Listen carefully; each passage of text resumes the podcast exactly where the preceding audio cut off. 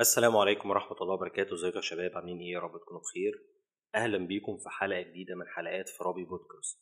من فترة أثبتت الدراسات العلمية إن العقل البشري بيستمر في العمل لمدة 10 دقايق و38 ثانية بعد الوفاة الفعلية للجسد وتوقف القلب عن النبض بشكل تام. وبالصدفة قرأت الكاتبة التركية الشهيرة إليف شافاق عن الدراسة العلمية دي فتركت لخيالها تصور الأفكار الأخيرة لشخص مات بالفعل في الدقايق القليلة دي. علشان تكتب لنا رواية رائعة مفعمة بالتفاصيل والرسم الحي للصور والشخصيات تحت عنوان 10 دقايق و38 ثانية في هذا العالم العجيب. نفست الرواية على جائزة البوكر لسنة 2019 وكانت ضمن القائمة القصيرة للجائزة مع روايات تانية. الرواية اللي نقلتها للغة العربية دار الآداب وترجمة محمود درويش بترجمة بتتسم بالجودة والحرفية العالية. إليف شافاق اتولدت في 25 أكتوبر سنة 1971 في ستراسبورج في شرق فرنسا. لوالدين هما الفيلسوف نوري بلجن وشفق أتيما اللي انفصلوا بعد كده وهي عندها حوالي سنة. وده اللي صرحت بيه قبل كده في أكتر من مناسبة وقالت إن نشأتها في عائلة لا تحكمها القوانين الذكورية التقليدية كان ليها أثر كبير على كتابتها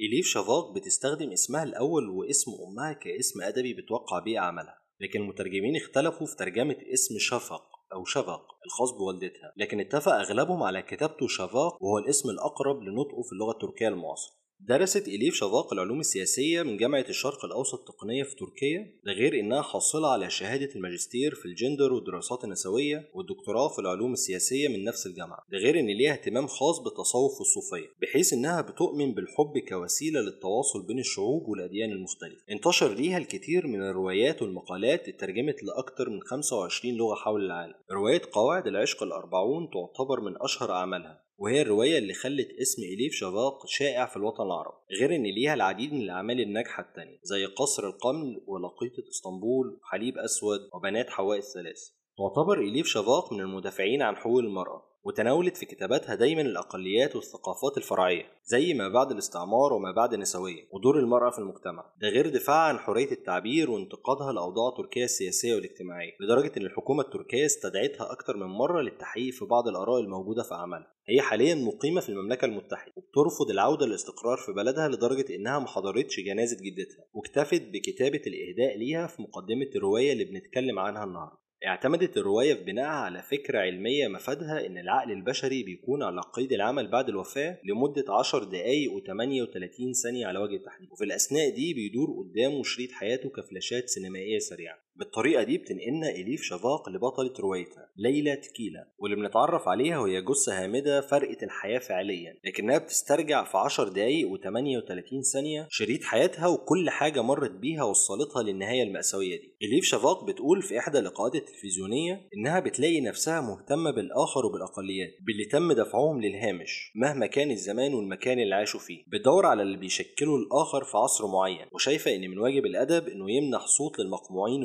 والمنسيين واللي مفيش مكان لرأيهم وصوتهم ضمن الرأي الرسمي وإنها شايفة إن ده طبعها وشخصيتها يمكن ده يفسر للقارئ بشكل واضح ليه إليف شفاق دايما بتهتم بإن أبطالها يكونوا من الفئة المهمشة والمنبوذة اجتماعيا. وعلشان كده لقينا بطلتها في الرواية هي ليلى تكيلا الفتاة المسكينة اللي عانت من التحرش في طفولتها داخل عيلتها. وده اللي دفعها للهرب وإنها تقع تحت أنياب المدينة اللي مش بترحم أي غريب. بالتأكيد مش ليلى بس اللي هنتعرف عليها لكن كمان هنتعرف في الرواية على أصدقائها الخمسة اللي كل واحد فيهم كان بيحمل صفة أو وصمة تخليه منبوذ داخل المجتمع والبيئة اللي مش بتدي أي مجال للآخر المختلف عنه. ليلى بتفتكر حياتها السابقة في وصف ساري بالحواس بحيث إن بيتم تجسيد كل شيء. يعني مثلا بتفتكر نشأتها في مدينة تركية صغيرة وطفولتها البائسة المليانة بالصعوبات مع قسوة أبوها المتزوج من اتنين وقمعها وسلب حرية الاختيار منها في طفولتها بحيث كان كل كل شيء ممنوع بدون سبب. ووالدتها اللي أجهضت أكتر من مرة لحد ما رزقت بابنة فخدها والدها منها وأعطاها لزوجته التانية بحجة إن والدة ليلى تستطيع إنجاب أطفال تانية في أي وقت. هروبها من البيت لإسطنبول بسبب جوازة تم إرغامها عليها. ووقوعها في حب طالب وصل لبيت الدعارة اللي شغالة فيه وهو بيدور على ملجأ يحتمي بيه وقت المظاهرات. طعم لحم الأضحية اللي قدمها والدها احتفالا بولادة طفل ذكر ليه غير ريحة القهوة اللي شربتها مع الطالب اللي حبته. يمكن القارئ يحس بعد الغوص في صفحات الرواية والدخول في تفاصيل حكاياتها المتشابكة بين اللي بتفتكره ليلى واللي بيروى على لسان أصدقائها إن في تفاصيل ناقصة أو حكايات غير مكتملة كان من الواجب إننا نعرفها عن الشخصيات دي علشان يكون التفاعل معها أكبر. واللي قرأوا الإليف شافاق وعرفوا العالم الخاص بيها بدون شك هيفتكروا شخصيات مؤثرة مرسومة بعناية من رواياتها اللي قبل كده. دي مش المرة الأولى اللي بتذكر فيها شخصية البغي زي ما سميتها في قواعد العشق الأربعون وإزاي قدرت إنها تعبر عنهم من جهة وتخلي حكاياتهم البعيدة مندمجة مع قصة الرواية الأصلية اللي بتحكي علاقة جلال الدين الرومي بشمس الدين التبريزي. ولكن مقارنة بسيطة بين شخصياتها هناك واللي ذكرته من تفاصيل لعدد من شخصيات الرواية هنا سواء صديقات ليلى أو شخصية مؤثرة في حياتها زي دكتور علي تخليك تدرك فعلا إن في جوانب كتير مجهولة ما اتذكرتش في حياة الشخصيات دي رغم ثراء عوالم كل واحد منهم واللي ممكن يتعرض من جوانب حياته. من جهة تانية ما كانش في ربط واقعي بينهم وبين ليلى بطلة الرواية ولكن ممكن تحس إلى حد ما إنهم شخصيات مستقلة. يمكن تكون رغبة إليف شفاق في عرض عدد من الأفكار المختلفة الجديدة زي تقبل المتحولين جنسيا وإزاي يتم التعامل معاهم في المجتمع هي اللي فرضت الشخصيات دي. رواية صادمة جدا بتحتوي على قدر كبير من الواقعية المجردة المفعمة بالتفاصيل المؤلمة بتحاول فيها الكاتبة تسليط الضوء على المهمشين اللي عاشوا وماتوا على هامش الحياة.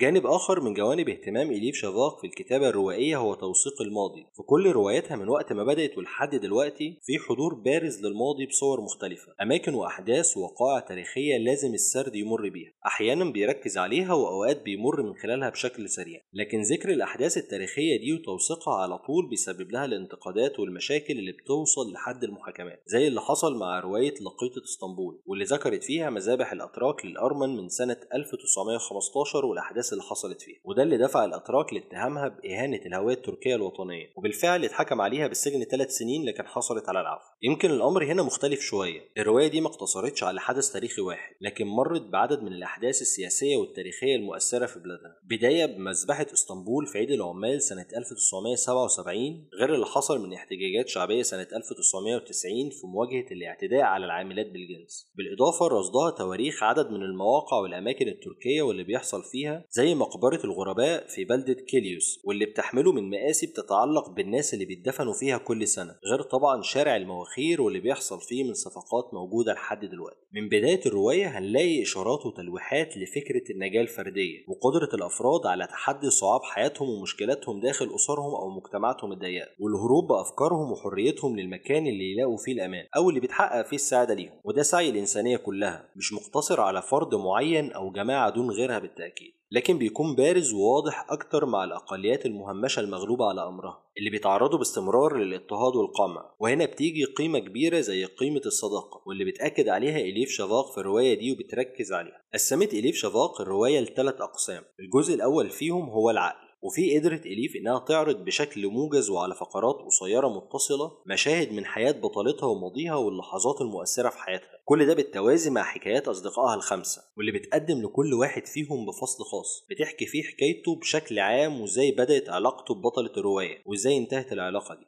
يمكن تكون مشكلة الرواية في القسم الثاني واللي سمته إليف الجسد الفصل اللي كان بيتكلم عن كيفية تعامل أصدقاء ليلى مع جثتها بعد وفاتها. واللي طرحت فيه أجزاء من تباين عوالم وأفكار الأصدقاء دول اللي جمعهم القدر صدفة علشان يكونوا أصدقاء لليلى مع بداية الفصل ده وإحنا هنعرف إن المجموعة دي أخدوا قرار بخصوص جثة ليلى. ولكن بدل من إننا نروح مباشرة للقرار ده دارت بينا الكاميرا حوالين المشهد أكتر من مرة. يمكن علشان تحط القارئ في الموقف تماما علشان يتفاعل مع كل كلمة وكل جملة حوارية بيتكلم بيها أبطال الرواية. لكن كل ده ما كانش في صالح إنسيابية السرد واللي بدوره أبطأ من الجزء ده بشكل خاص. وجات المفاجأة في الفصل الثالث والأخير واللي سمته الروح. رغم كونه مؤثر ورغم عودتها لبطلتها ليلى واللي يفترض إن ده الفصل الخاص بسرد كل حاجة بتشعر بيها روحها وهي متحررة من كل القيود إلا إنه انتهى بسرعة. الكاتبة صرحت لصحيفة واشنطن بوست في أكتر من مقابلة مصورة ظهرت فيها إنها قدمت الصداقة في الرواية على إنها عيلة موازية أطلقت عليها اسم عائلة الماء بتختلف عن عائلة الدم اللي بينتمي ليها الفرد تلقائيا عند الولادة وهي شايفة إنها عائلة حقيقية ويمكن أحيانا بتتفوق على عائلة الدم وبتبقى عائلة تعويضية للفرد لما بيتم الإساءة ليه عن طريق أفراد عائلته الحقيقيين. الرواية الصارخة مدوية الأثر بتطلقها إليف شافاق في وجه المجتمع القامع لحريات المرأة من وقت طفولتها وحتى بلوغها. بتنقل صورة حية للطريقة اللي بيتم بيها معاملة المرأة في تركيا والمجتمعات العربية عموما. رواية إليف شفاق بصفة عامة هي رحلة ساحرة لتركيا اللي إحنا منعرفهاش وجولة تعريفية بتاريخ تركيا الحديث زي ما وصفتها صحيفة الإندبندنت. الكاتبة اتكلمت فيها عن المحاولة الإنقلابية الفاشلة في 15 يوليو 2016 واللي قام بيها مجموعة من ضباط القوات المسلحة وأدت لسقوط العديد من الضحايا. وجسر البوسفور اللي قابلت البطل عنده حبيبها الطالب والناشط السياسي لأول مرة واللي تم تغيير اسمه بعد كده لشهداء 15 يوليو. وقصة الأسطول الأمريكي السادس اللي وصل لجسر البوسفور لحماية سفينة شركة أمريكية شغالة في التنقيب عن النفط والغاز غير الأفكار والحريات وهوى تركيا المعبأ بالثورة. في النهاية ما نقدرش نقول غير إن إليف شفاق قدرت إنها تقدم من خلال روايتها الجديدة صورة بانورامية شديدة القسوة والواقعية عن مدينة إسطنبول اللي بتوصفها بإنها مدينة أنثى. الرواية بكل ما فيها من تفاصيل بتمس الروح الإنسانية بتصنع حالة خاصة جدا تستحق القراءة. يمكن تكون من الروايات القليلة اللي بتحول الصور المكتوبة بالكلمات لصور حقيقية ملموسة وواضحة الألوان. لو عجبتك الحلقة ما تنساش تعمل لنا like و subscribe على يوتيوب وتتابعنا على فيسبوك وإنستجرام. وكمان تقدر تسمعنا على منصات أبل بودكاست وجوجل بودكاست وأنكر إف إم وسبوتيفاي. أنا حسام عيد وده فرابي بودكاست. سلام عليكم.